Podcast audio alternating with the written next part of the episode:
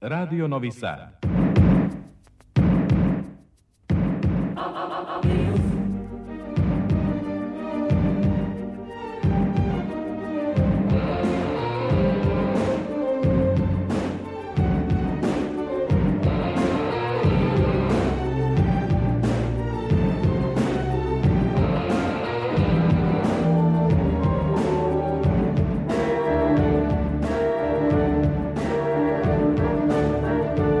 Spektar.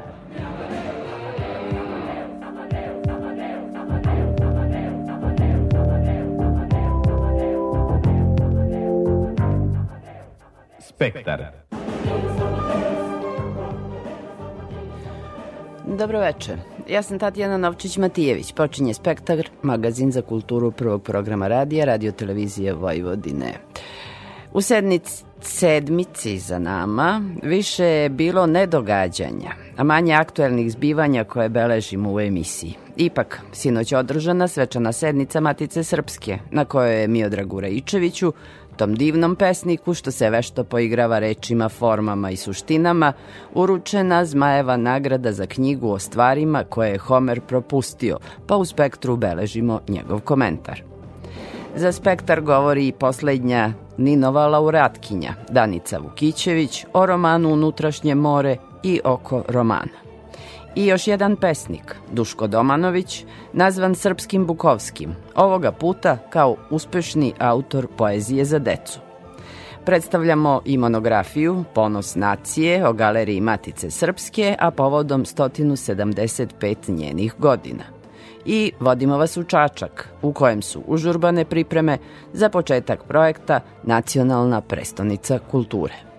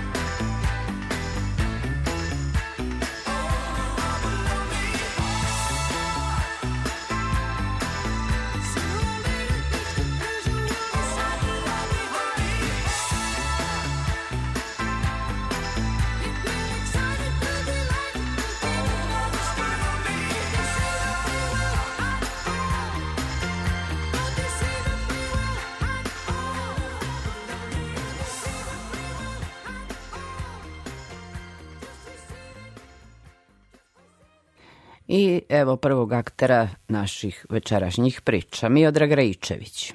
Zmajeva nagrada pripala mu je za knjigu o stvarima koje je Homer propustio u izdanju Gramatika.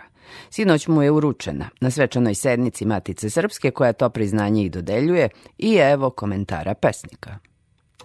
Nagrade mi svakako znači mnogo. Ona je, to je već onako opšte mesto, verovatno, verovatno svi ljudi koji su je dobili pesnici kažu da je to na, naša najveća nagrada. I jeste, ona je Zmaj Jovina nagrada, a meni znači mnogo.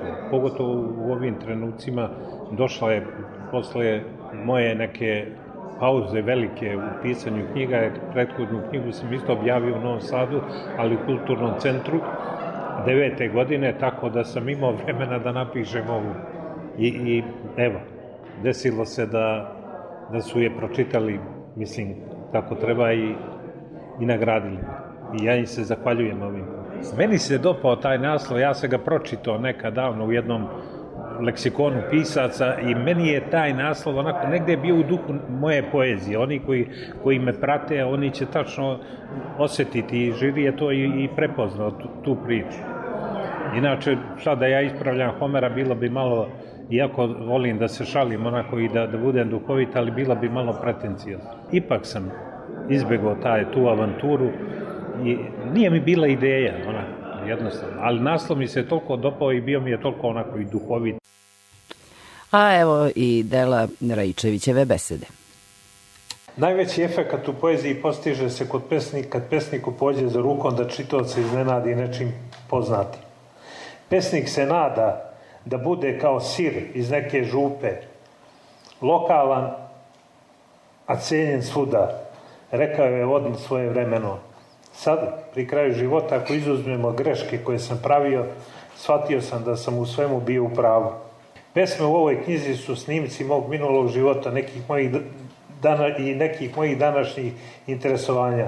Sve su to sezancije s kojima sam rastao i razvijao se. Bio sam dete svoga vremena. Na kraju ovog mog Homera nalaze se pesme koje sam grešan posvetio majici.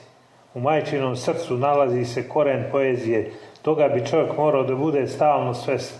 Često ni ne vidim da to veliko srce kao oreol svetli iza njihovih glava. Nažalost, čovjek to neredko kasno shvati za razliku od majčinog srca koje sve vreme, sve na vreme shvati i prašta, prašta, prašta. Čovek u životu stalno nešto čeka. Prođe mu život u čekanju. A kad stigne to što je čekao, smrze se jer shvati da to nije o čemu se nadao. Shvati da to što je došlo, došlo po njega. Nema više velikih želja. Za njih su potrebni veliki uzleti, a ja ti krila više nema. Jedino što danas želim jeste da sanjam i da o tome pišem dok se ne probudim.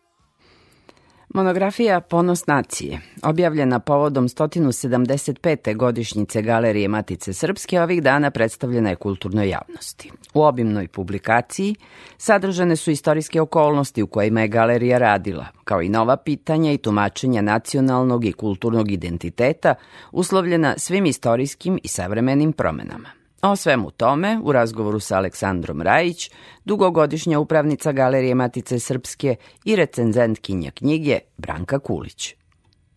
Učestvovali ste u nastajanju ove knjige, ove monografije ili kako njena autorka Tijana Palkovljević-Bugarski kaže, biografije galerije Matice Srpske, bar na dva načina, ja bih rekla, i kao recenzentkinja ovog izdanja, ali naravno kao dugogodišnja upravnica galerije Matice Srpske, deo istorije te kuće nasledili ste zapravo, a potom i preneli jedan sistem vrednosti, sistem odnosa prema ustanovi kakva je Galerija Matice Srpske.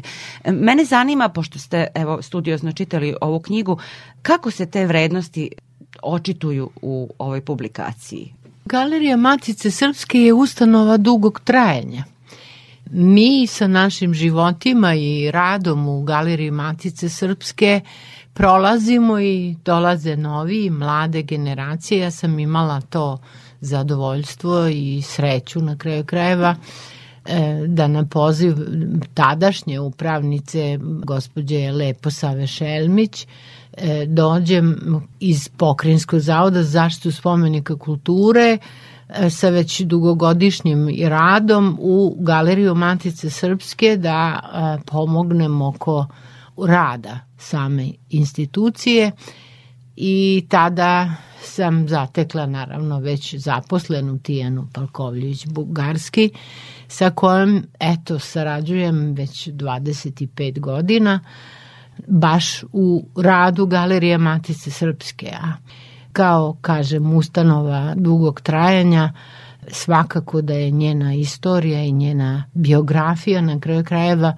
veliki deo kulture koja traje već 175 godina u našem narodu i pokazalo se e, da nije dovoljno imati samo zgradu i kolekciju, nego moramo da uložimo u nju e, mišljenje, trud, rad, disciplinu, koja se eto urodila plodom i sa ovom monografijom koja je i pisana povodom 175 godina Galerije Matice Srpske. Jes, kakve su vaše najpre impresije, a posle i stručni utisci o ovoj publikaciji? Ono na prvi pogled što vidimo to je iscrpnost, dakle to je jedno obimno izdanje i, i jedna dokumentarnost. Pa to je jedan veoma obiman tekst, jer naravno ustanova traje 175 godina i nastala je uh, kao čak treća e, monografija o radu Galerije Matice Srpske. 2001. godine je izašla takozvana velika monografija čiji autor je bila sa saradnicima uh, gospođa Leposava Šelmić I pitao sam Tijanu kad je rekla da radi na novoj monografiji Galerije Matice Srpske, e, kako imaš volju da sada posle te velike monografije ponovo se baviš istorijom galerije, ona je smatrala, i to se vidi u samoj knjizi, da e, takve ustanove moraju na određen način da prate vreme, da prate savremene tokove muzeologije, da stalno podsjećaju na svoju istoriju, na svoju dugu istoriju. I e, zaista je važno da se na taj način podsjeća nacija pre svega, država i čitava publika, ne samo galerije Matice Srpske, nego, nego svi ljudi koji žive u ovoj državi na tako važne i vredne institucije kao što to je se, Galerija to Matice. To se sve vidi u ovoj knjizi. To se apsolutno sve vidi jer se Tijana vratila ponovo u vreme osnivanja muzeuma Matice Srpske, jer galerija radi u sistemu Matice Srpske i e, svih napora ranijih generacija da se prikupi jedan zaista izuzetno vredan i, i lep fond e, srpske nacionalne umetnosti. Sad sami ste pomenuli da je i ovoj monografiji naravno prethodila publikacija. Ja se sećam one, e, zapravo imala sam prilike da čitam onu monografiju koju je Olga Mikić, dakle još jedna od upravnica sa saradnicima, mislim da je to bio Dinko Davidov, ne mogu više da se setim koji su bili autori, velika monografija. Ova nova monografija meni se čini omogućava situiranje e, ustanove kakva je Galerija Matice Srpske u jedan e, novi kontekst. Ustanova je jedna koja ima jednu od ključnih uloga upravo u kreiranju tog nacionalnog e, kulturnog identiteta. Međutim, ova galerija e, zapravo obuhvata i onaj period koji ste i sami, ako mogu da tako da kažem, zakačili kao upravnica uspostavljane Srbije kao samostalne države. Samim tim i Galerija Matice Srpske kao nosilac nacionalnog identiteta dobijala je, dobila je drugačije okvire. Šta je to značilo? Pa ona je e, utemeljena u e, nacionalnu istoriju umetnosti. Kolekcija Galerije Matice Srpske e, beleži radove koji su ikone koji su nastali od 16. veka do savremenog doba u kontinuitetu više od tri veka i četiri veka razvoja naše umetnosti jer je prikupljen takav materijal koji e, na jedan vrlo e, upečatljiv, odnosno vizuelan i, i svaki drugi i naučni način e, oslikava kulturu koja se i, i taj vizuelni identitet naroda koji je koji je stvarao i sa tu instituciju i stvarao umetnost. U stvari kako ideje od pre dva veka dobije neke nove obrise danas? Dobija kroz savremenu muzeologiju, kroz stalne postavke i povremene izložbe. Povremene izložbe su uglavnom tematske, a stalna postavka Galerije Matice Srpske, barem to je bila njena intencija sve vreme i kad smo postavljali novu stalnu postavku 2003. 4. i 5. godine, pokazuje našu umetnost iz ranijeg perioda, odnosno naročito taj period baroka, iako iz ranijih perioda imamo svega jedan zaista mali opseg umetnosti, ali ipak 18. 19. i 20. vek su okosnica kolekcije Galerije Matice Srpske, što je apsolutno jedna savremenost i u tom nekom muzeološkom smislu ona je danas jedna vrlo savremena vrlo otvorena institucija koja predstavlja naš narod i naš identitet ne samo nama samima koji živimo u ovoj državi, nego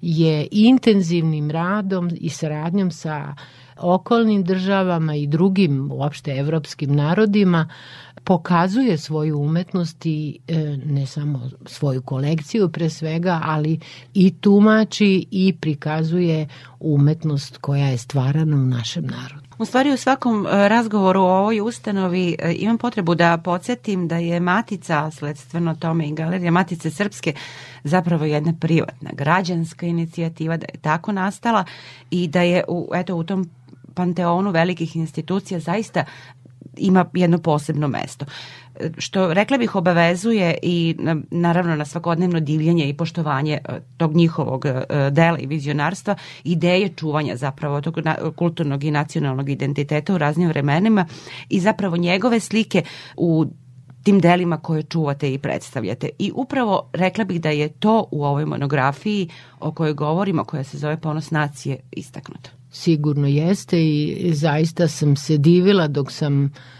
čitala taj obiman tekst od 500 strana koji je pretočen u dve knjige, čak jer nije ni moglo, a ni trebalo da se nađe u koricama jedne knjige ili je zaista obiman materijal. E, za razliku od prethodne monografije, u ovoj knjizi gde je prikazano naše prikupljeno blago, praktično umetnost koju smo imali, ona starija, velika monografija, i ako ništa drugo poznata po izuzetno dobrim reprodukcijama svih najznačajnijih i skoro svih dela e, koje galerija poseduje. I ima jedan veliki odeljak koji na vrlo iscrpan, odnosno potpuno sveobuhvatan način prikazuje kolekciju monografija koja je sada e, izašla, koja je pred nama, pokazuje više e, samu ustanovu i njen rad, jer kroz ilustrativni materijal koji je priložen u samoj knjizi se vidi mnoštvo publike, mnoštvo aktivnosti, delatnosti, galerije koja je vezana za za u stvari ono o čemu smo malo pregovorili, a to je savremenu muzeologiju. Hvala vam na razgovoru. Hvala vama.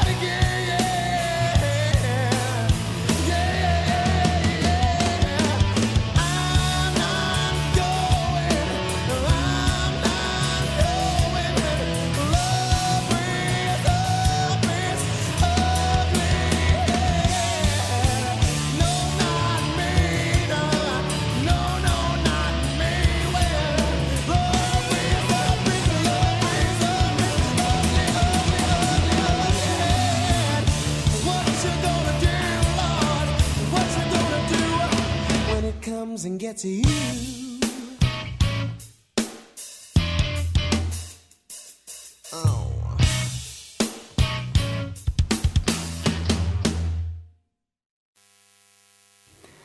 Sagovornica Spektra je i Danica Vukićević, dobitnica Ninove nagrade za roman Unutrašnje more u izdanju Nojzac. U sasvim nenadanom susretu, što će reći bez velikih dogovora i priprema za intervju, Danica Vukićević sasvim otvoreno, spontano i neopterećeno govori o knjizi i o pričama koje se pričaju o knjizi i oko knjige. Moram da priznam da mi je zadovoljstvo. Ovaj nenadani susret. Takođe, mi se znamo, mi smo Vrničke vile. I iz prvog osjećanja, unutrašnje more mora da uzburka svakog istinskog, poštenog i otvorenog čitaoca. Moje takav utisak. Zato što bez obzira što govorili da to forma, ne znam, ta fragmentarnost, zapravo čitajući te fragmente intenzivno i u kontinuitetu, ja sam zapravo stvarala taj roman, tu stvarnost, taj život, sve te junake i sve te emocije i razmišljanja i dakle sve je stalo u jedan totalitet. Sigurna sam da je žiri apsolutno doneo ispravnu odluku, baš zato što iskače iz one ušančene tradicionalne forme. Naši životi su sitnice, detalji, pažnja, radost i tuga i bol i bes, dakle sve što može da se pomisli šta čini jedan život spakovano u unutrašnjem moru. Moje bar takav utisak, ali volela bih da čujem iznutra, kad je stvarano unutrašnje more. Te stvari su inače, evo kako si ti rekla, mi smo ipak na ti. Taj utisak koji si sad ti kao čitateljka izrekla i mislim da dele mnogi čitaoci i čitateljke i veliki broj onih koji govore ovo je strašno, grozno je, ali knjigu nismo čitali, zaista govore o sebi. Tako da se ne bi time bavila, nego o tom, kako si rekla, totalitetu, jer to ovu knjigu nekako izdvaja ne od drugih, ne, ne na taj egocentrični način, nego zaista ti delovi, ti protejski momenti preobražaja, to kretanje, ta neprestana dinamika od uh, misli, emocija, ličnosti, koje je uopšte nebitno kakve imaju veze sa mnom. To je potpuno autor je autor, tako da o tome, time se nećemo baviti. Tako da, ako pristupamo pisanju i zato jesmo pisci, spisateljice, da bismo nešto rekli.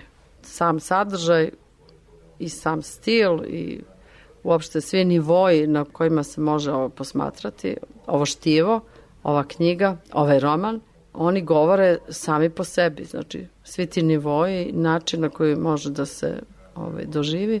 Bilo mi je zanimljivo, ima neverovatnu količinu različitih utisaka, sad ne, nebitno da li su pozitivni, nije uopšte to poenta priče, ali... Ali jesu utisci, da, da, da. ali ta različitost je fascinantna i mislim da isto nešto govori.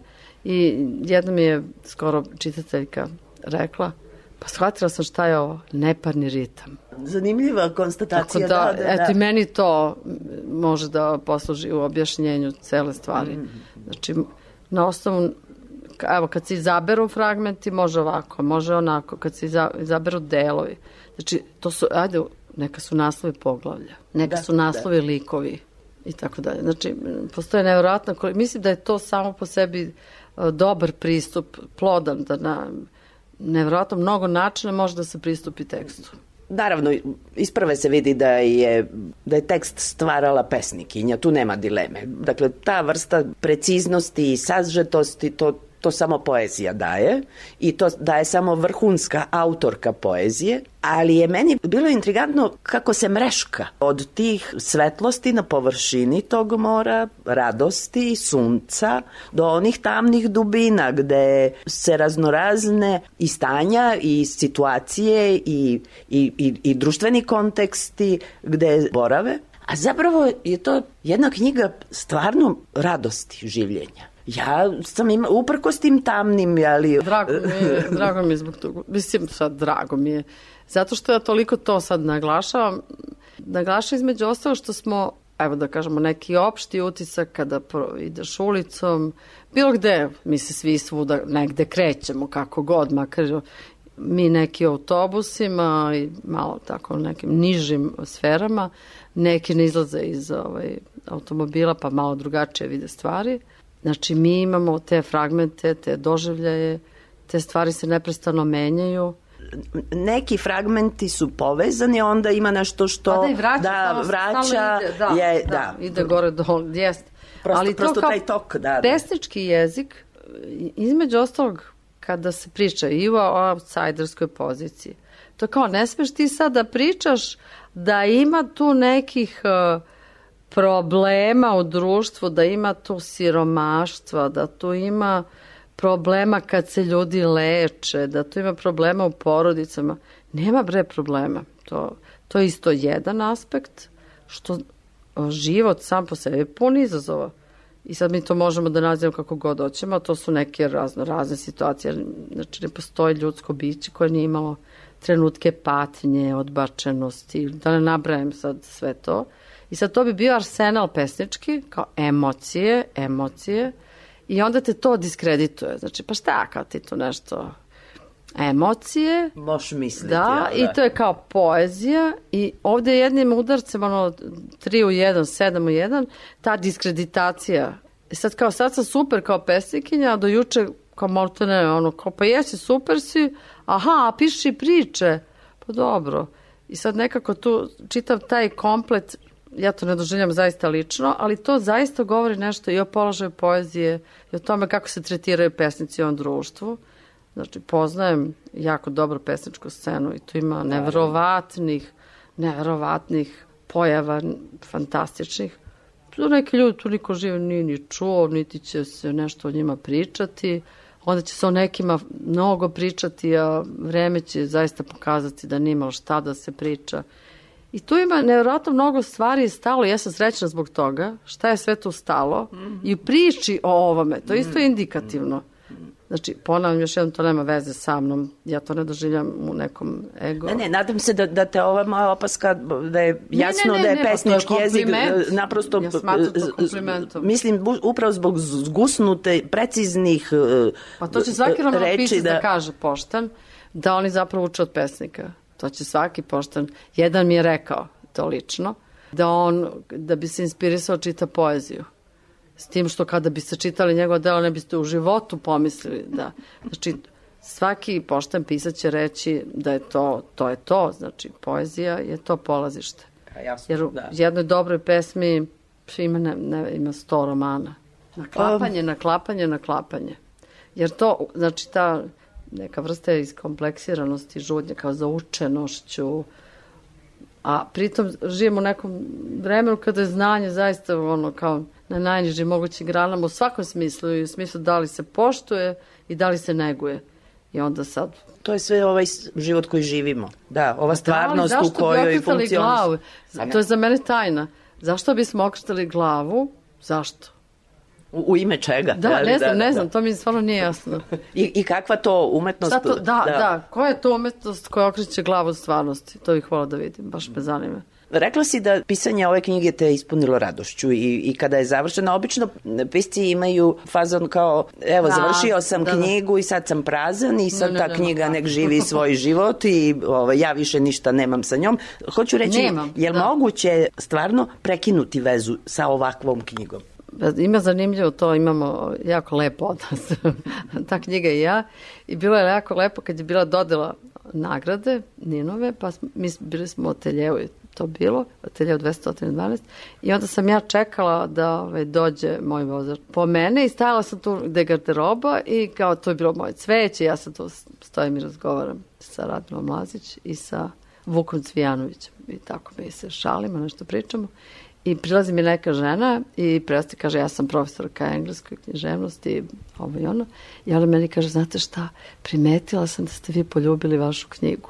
I sad ja ne znam da je me ona videla, nešto je bilo, to sam ja sam je polj- stvarno poljubila, ne misleći da će iko videti.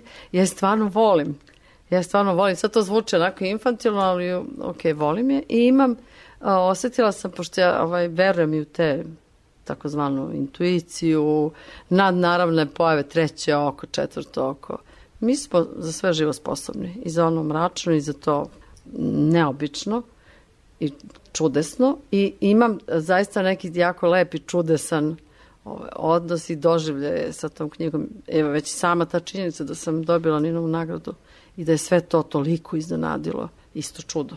Da, da, Pa i mene, zaista jeste mislim i istina. mene, moram da priznam. Pa dobro, ali dobro je osjećanje. jel? Naravno, naravno. Pa svi me pitaju, ja kažem, super sam, divno mi je, presrećena sam. Pa ja sam baš srećena. Da, verujem. Da, O, da.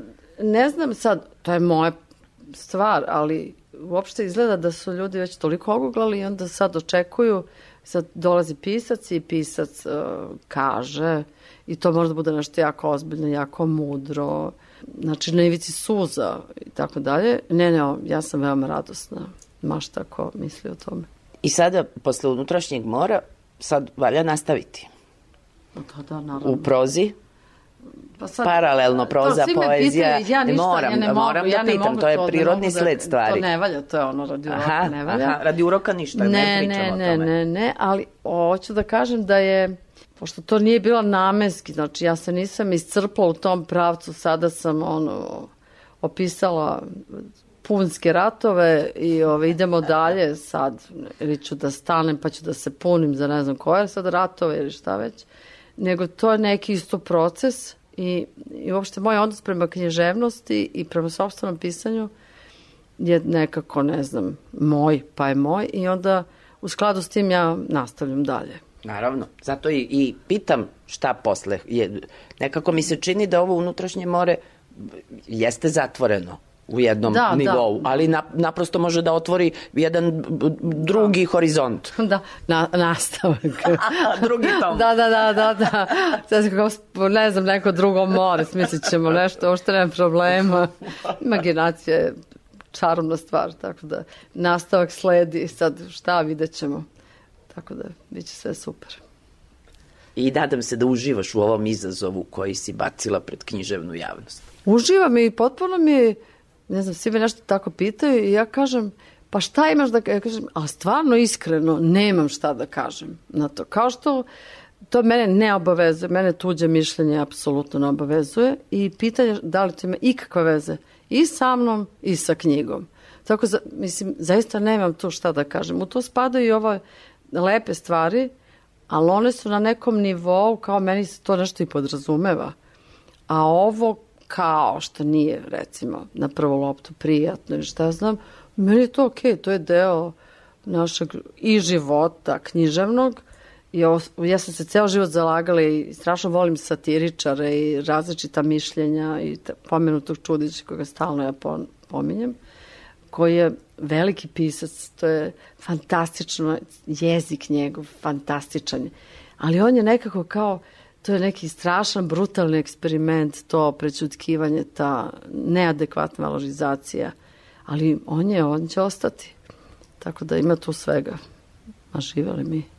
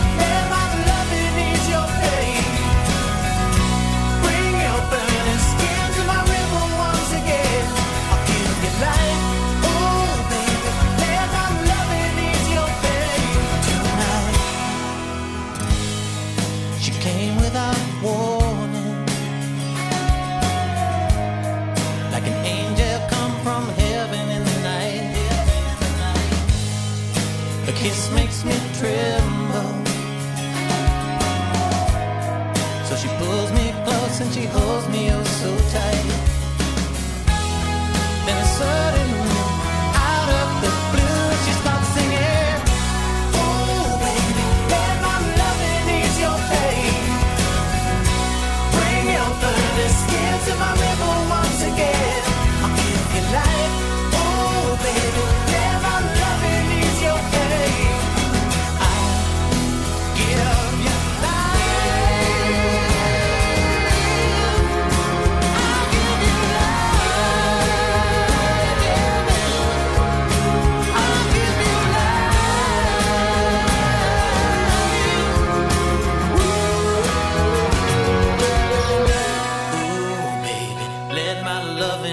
your pain.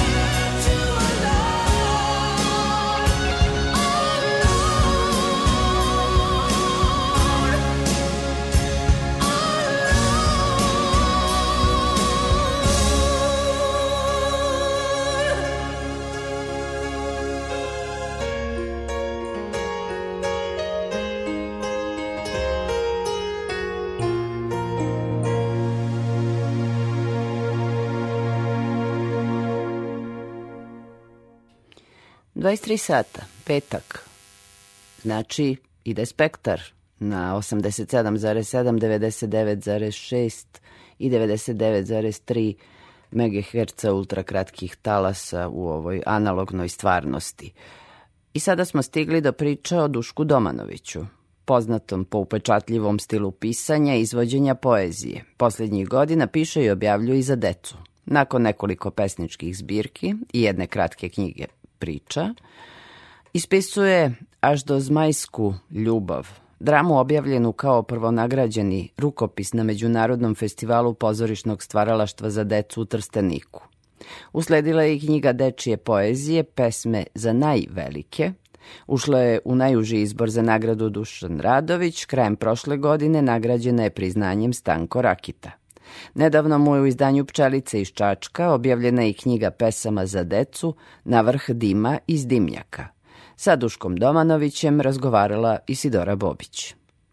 Kada kažemo Duško Domanović, imamo na umu poeziju koja ima tu divnu osobinu da dopre do široke publike, da dotakne čitaoca bez obzira na njegovo formalno obrazovanje ili poznavanje svetske literature. Takođe, asocijacije na vaše ime bile bi i angažovana poezija, javni nastup kao umetnički čin govorenja poezije na književnim večerima i britak beskompromisan pesnički jezik, pesničke interpretacije socijalnih problema.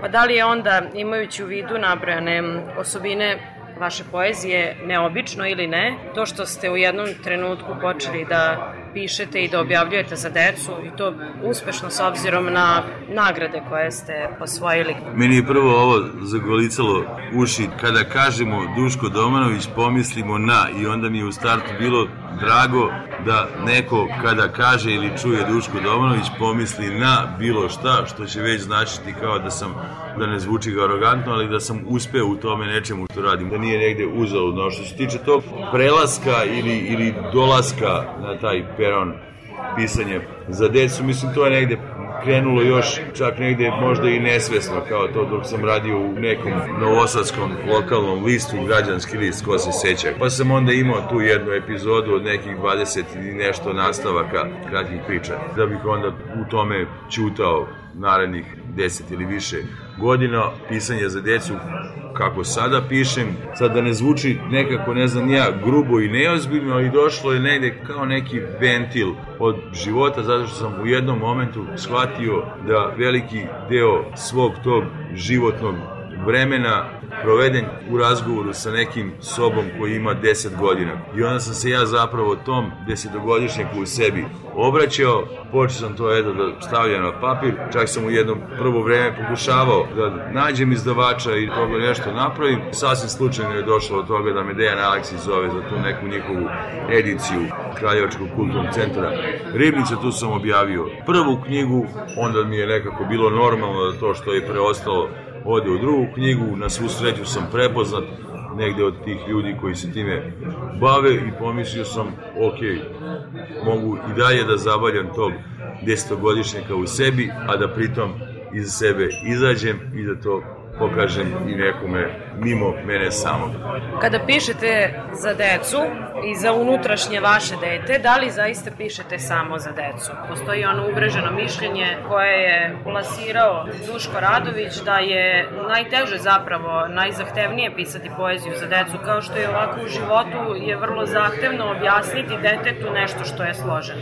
Bez obzira na to da li je reč o pisanju za odrasle ili je reč o pisanju za decu, onaj koji piše kao prvo nikad ne piše za samog sebe, a kao drugo uvek piše za samog sebe. Svaki naš pokušaj uspeo ili ne uspeo da se stavimo na papir, jeste s jedne strane pokušaj da komuniciramo sa nama samima, a onda je možda i više od toga pokušaj da komuniciramo sa svetom. A što se tiče pisanja za decu, ukoliko knjiženo za decu, pogotovo u mom slučaju, ukoliko poezija za decu nije poezija koju možete čitati kad imate 40, 50 i 80 godina, onda je ona uzalud i za decu pisana. Mi ako pogledamo danas neka od najvećih imena naših počev od Zmaja pa do Duška Radovića i do Ršuma. Niko od njih nije pisao samo za decu, niti je pisao da bi samo deci udovoljio, već svaka od tih pesama, ako govorimo o poeziji za decu, je napisana kako za dete od 7 godina, tako i za isto to dete kad napuni 70 godina koje će toj pesmi da se vrati. Verovatno je to tako zato što svi imamo to unutrašnje dete kao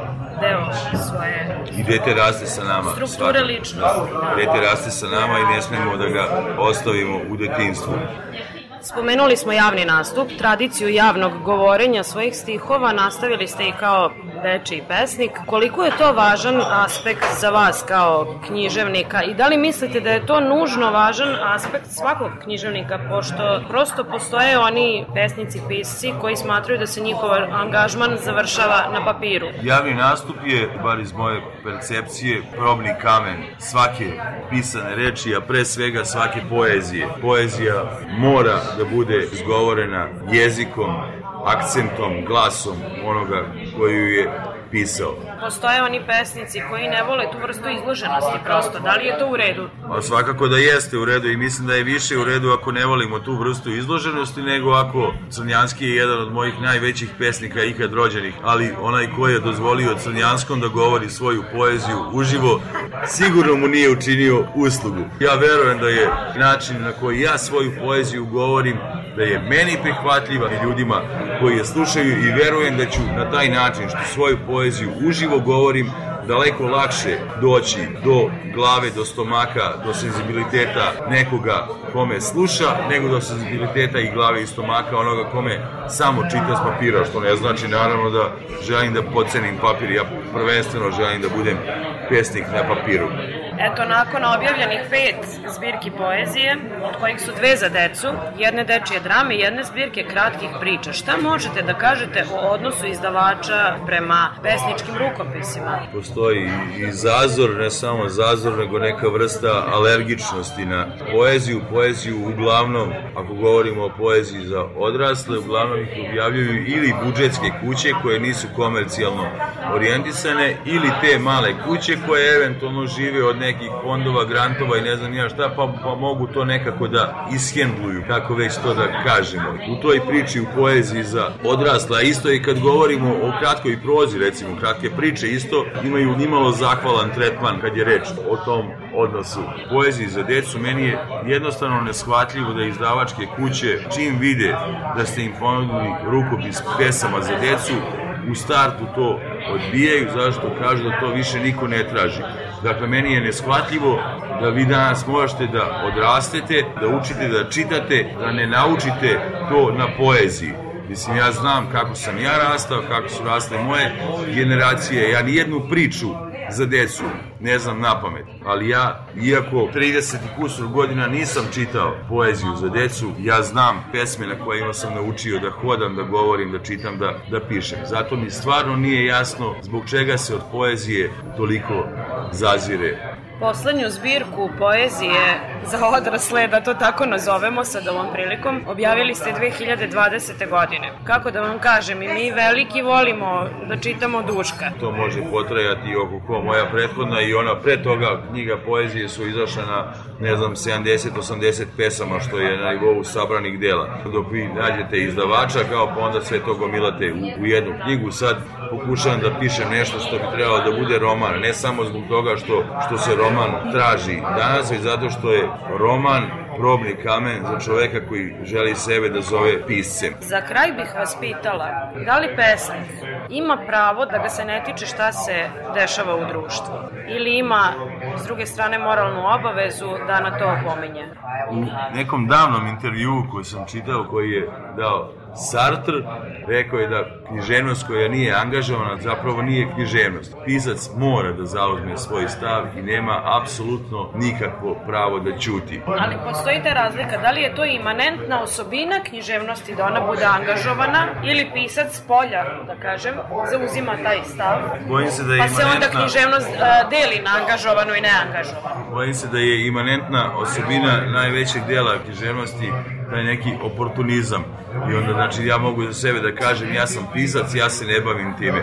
Ali ne, ako sam uistinu pisac, ako uistinu želim da budem pisac, ja moram da se bavim time gde živim ja i gde živite vi i gde živimo svi mi. Imamo taj izbor da biramo između oportunizma i slobode. Sloboda je ono što se plaća. Sve ono što ne platimo, nego dobijemo na tacni, to nije sloboda i to nije naš izbor, to je čist oportunizam.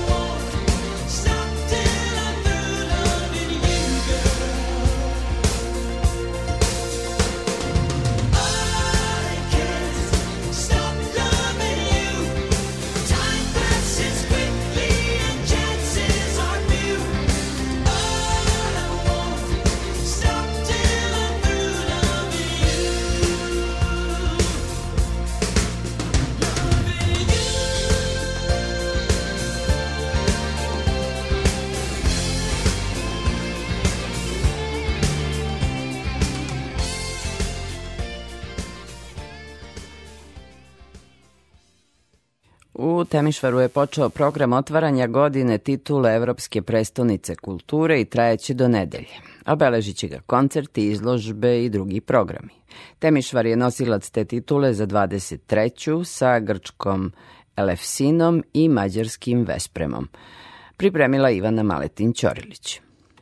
Nakon Novog Sada, Temišvar je nova evropska prestonica kulture. Slogan projekta Neka sija tvoje svetlo aludira na činjenicu da je prvi u Evropi dobio električno osvetljenje.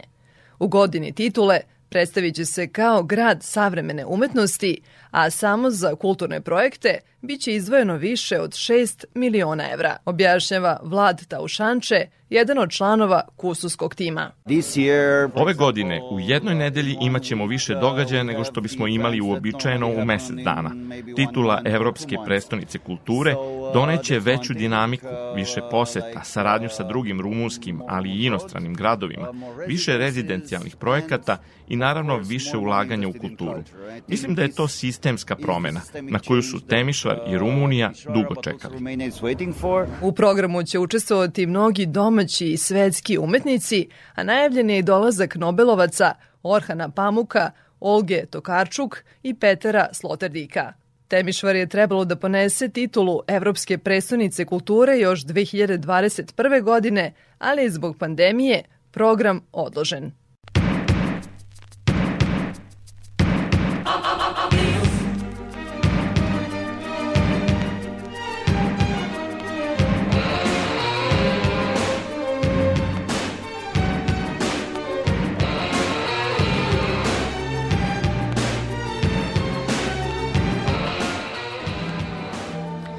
Po ugledu na Evropsku prestonicu kulture u državi Srbiji e, organizovan je projekat Nacionalna prestonica kulture. I sad Čačak, ovogodišnja prestonica kulture, uvoliko se priprema za otvaranje projekta najavljeno za 21. mart. U modernoj zgradi biblioteke Vladislav Petković Dis biće otvoren muzej poezije. Biblioteka obeležava nekoliko važnih jubileja. 175 godina od otvaranja prvog čitališta u Čačku, 60 godina pesničkog festivala Disovo proleće i 50 godina časopisa Gradac. O svemu tome sa direktorkom biblioteke Marijom Radulović razgovarala je Ivana Maletin-Ćorilić.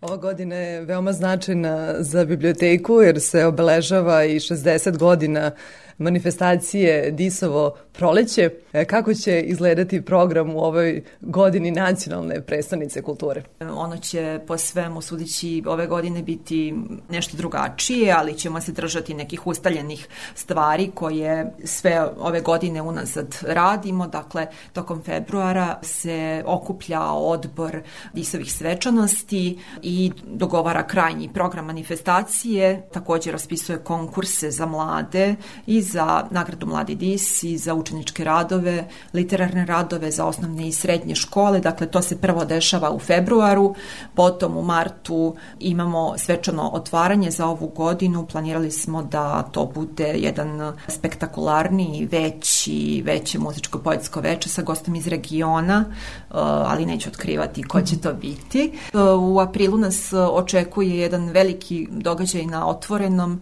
koji će trajati nekoliko dana. Simultano će se odvijati programi poetskog maratona u kojem će učestvovati od nekih javnih ličnosti do da kažem naših osnovaca koji će ovaj u školama imati čas poezije tako da Po prvi put po prvi u put Čačku. jeste. Biće na u otvorenom prostoru trudit ćemo se da mi što više izađemo iz uh, ovih zidova i da uđemo u eto narod poezijom i mislim da će to biti vrlo atraktivan program i vrlo zahtevan za organizaciju. Zapravo treba nekoliko stage-eva u isto vreme ovaj, uskladiti gde se čita i poezija za decu i poezija ljubavna i za ne znam misaona i tako dalje i planiramo i gostovanje mladih pesnika koji su sada naši najznačajniji mladi pesnici koji su kod nas objavili svoju prvu knjigu poezije recimo poslednjih desetak godina, to su naši od e, Alekse Krstića koji je prošlogodišnji dobitnik, laureat Mladog Disa, pa svih onih prethodnih. Tako da Disovo proleće se završava krajem maja i to će biti čini mi se 26. maj, već znamo, poslednji petak u mesecu i planirano je otvaranje muzeja poezije, što je potpuno nova bibliotečka cijelina u našoj zgradi. E, Muzej poezije okuplja se oko poezije, ali ne samo ne samo od Isovih laureata, niti srpske poezije, nego poezije generalno u izradi aplikacija muzeja poezije i e, planiramo da pozovemo sve žive laureate da tog dana budu u Čačku i da prisustvuju tom događaju. Takođe želimo da obeležimo i jubilej od rođenja i smrti Desanke Maksimović koja je naš laureat iz 1968. godine, dakle pre 55 godina ona je dobila Disovu nagradu, a ove, upravo ove godine je i jubilej od rođenja, odnosno od smrti u maju će to biti. Da, ako se ne varam i e, Nobelovac e, Handke je gostovao u Čačku i preveo tom prilikom pesmu Disa, možda spava na nemački jezik, da li će i ona ući u eventualnu zbirku muzeja? Naravno, taj rukopis e, Žarko Radaković i tadašnji gost, on je zapravo dobio plaketu posebnu pre 10 godina, tačno za 50 od Isova proleć, 2013. godine imali smo gostima Petra Hankea i tom prilikom je on uživo prevodio Disove stihove i naravno to će se naći u muzeju poezije, ali da kažem da tokom poetskog maratona i zapravo majskih tih svečanosti. Nadamo se i gostima iz inostranstva, odnosno pesnicima koji će čitati poeziju na stranim jezicima, ali opet o tome nešto detaljnije tokom marta. Pretpostavljam da vam je jedan od glavnih ciljeva da privučete i mlađu publiku da zavole poeziju od tih najranijih dana. Na koji način ćete se time baviti? Poezija jeste nešto što Disova biblioteka shvata kao jedan od, jedno od svojih misija, da poeziju damo narodu i to na neki možda inovativan način, nešto što recimo ovaj grad do sada nije video, da književne programe e, prezentujemo savremenim metodama i tako dalje, a eto po prvi put ćemo ići u javni prostor tamo gde je potpuno nas ljudi ne očekuju. Takođe planiramo i da e, imamo nešto što se zove poetski performans, sad da li ćemo uspeti u tome, ja se iskreno nadam da kombinujemo poeziju sa nekim drugim vidovima umetnosti, da li je to muzika ili gluma ili nešto treće, vidjet ćemo. U okviru segmenta na Moravi predviđeno je otvaranje legata Branka Varadičevića u Čačanskoj biblioteci. To će našoj ustanovi biti četvrti legat koji baštini, a Branko Varadičević nije značajan samo za Čačak i Čačane, njega znaju mnogo, da kažem, na teritoriji čitave zemlje. Branko Varadičević je inače jedan od osnivača i sabora trubača u Guči, kao i manifestacije Disovo proleće, tako da mi s ponosom zaista ono što je njegova porodica ostavila biblioteci, zaveštela biblioteci, čuvamo, to su njegovi lični predmeti, nameštaj, umetničke slike, rukopisi, knjige i tako dalje. I predviđeno je da taj legat tokom ove godine uh, bude fizički obrađen, sređen, uh, smešten i uh, naravno prezentovan javnosti i da eto svi naši zainteresovani uh, korisnici mogu to da vide. Svečanost otvaranja legata obeležit ćemo izvođenjem monodrame po tekstu Branka Varadičevića i taj program je planirano da bude letnji program koji će se desiti u amfiteatru u Ovčar banji, inače mesto koje je Branko obožavao, gde je voleo da provodi vreme, da se odmara, on tamo ima i svoju biblioteku i svoj spomenik. Očekuje nas i organizacija jedne stručne konferencije koja će se baviti zelenim ustanovama kulture na nekoliko načina, znači što onim bukvalno fizičkim ozelenjavanjem krovova ustanova kulture, kao što eto to smo imali prilike da vidimo u Novom Sadu da je urađeno, do onog uvođenja zelene agende u naš rad. Čačak je bio od uvek važna raskrsnica, zahvaljujući autoputu, obnovio veze sa drugim gradovima širom Srbije, ali i regiona. Da li će Voz kulture u organizaciji Gradske biblioteke otvoriti kulturni dijalog i doprinijeti tom kulturnom procvatu grad? Da, Gradska biblioteka zapravo u sva četiri programska luka, programska segmenta e, nacionalne predstavnice kulture, projekta koji se zna pod nazivom Čačanska rodna, biblioteka ima program u svakom od tih programskih segmenata. E sad na raskršću ideja je zapravo Čačak jeste na raskrsnici na tromeđi tih i autoputeva i na raskrsnici nečega što je od onih davnašnjih iz uh, vekova koji su za nama do moderne raskrsnice koja evo sad se u tom nekom pis znaku ide u tri smera kroz Srbiju. Ona je takođe i na drugoj raskrsnici, na raskrsnici između Turske, Austro-Ugarske, na raskrsnici između duhovnog, imamo Srpsku Svetu Goru i tog profanog, na raskrsnici, mnogo toga. Tako da taj voz zapravo pripada segmentu na raskršću i to je program koji bi trebalo da bude realizovan krajem godine, zapravo u novembru, među poslednjim programskim aktivnostima što se tiče prestonice. Tako da bi trebalo da spojimo nekoliko gradova i k- nas pruga prirodno spaja, recimo Kraljevo, Čačak, Požegu, ali mi na tom putu želimo da spojimo i kulturno i prirodno nasleđe koje je vrlo, e, da kažem, jedinstveno, ali i zajedničko. Tako da e, ideja je da e, u vozu okupimo značajne umetnike, pesnike, muzičare, da tu imamo i ljude koji će izvesti neki performans, da imamo i postavljene izložbe u samim vagonima, a da ovaj, to bude jedan putujući, da kažem, voz kulture, putujući koji će spojiti i recimo Valjevo, planiramo i do Valjeva da odemo, gde će nam biti predstavljen njihov zavičajni muzej i sve ono što Valjevci imaju.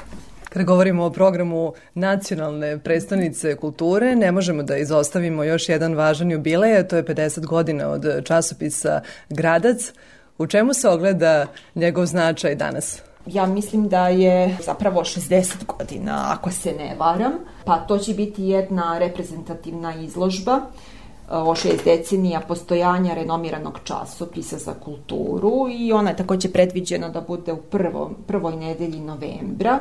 Časopis Gradac je pokrenut u Čačku još, e, da kažem, 60. godina 20. veka i do sada je izašlo preko 200 brojeva.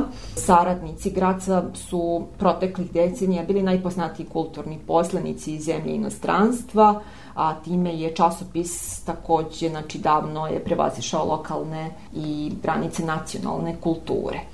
Things we lost to the flames. Things we'll never see again. All that we have amassed sits before us, shattered into ash.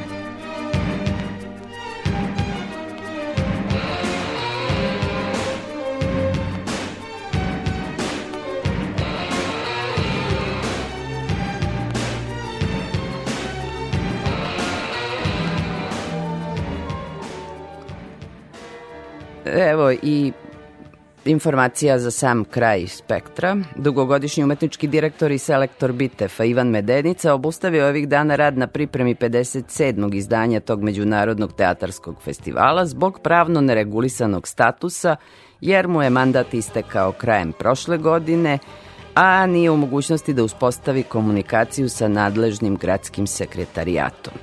Nakon sedam godina provedenih na čelu Bitefa, Medenica izjavio da nije podne ostavku jer zapravo nije ni imenovan za vršioca dužnosti direktora, već je obavestio nadležne da obustavlja rad na pripremi 57. Bitefa koji je započeo još pre pola godine, jer više nema mandat i ne može lažno da se predstavlja pred stranim partnerima, budući da bi to dovelo do narušavanja višedecenijskog ugleda Bitefa, pa posredno i Beograda. I tako ćemo sada čekati ko će biti VD umetničkog direktora Bitefa.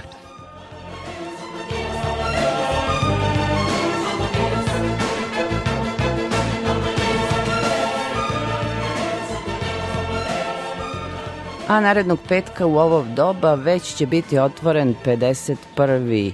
fest, festival, internacionalni filmski festival u Beogradu, znači od 24. februara pa do 5. marta. Pod sloganom Strast života. Lep slogan. Uprkos svemu. 10 dana će fest trajati, 113 filmova iz 39 zemalja biće prikazano, od čega se- 107 premijerno. U okviru devet programskih celina, Gala, Gala Plus, Fest Masters, Fest 51, takmičarski program, Fest Focus, Fest Specijal, Fest Classic i Fest Intro. Biće upriličena i specijalna projekcija prve epizode druge sezone serije Tajkun u okviru sad već tradicionalne sekcije Fest serija. Festival će otvoriti e, film Zločin je moj, François Ozona i bit će to međunarodna premijera, a zatvorit će ga poslednji film Puriše Đorđevića Usta puna zemlje.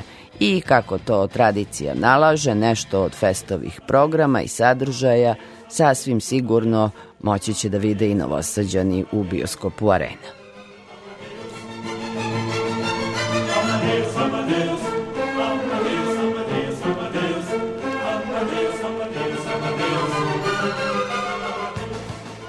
A osim priča o festu, narednog petka čekaju vas i ostale priče o kulturi i umetnosti na ovim prostorima.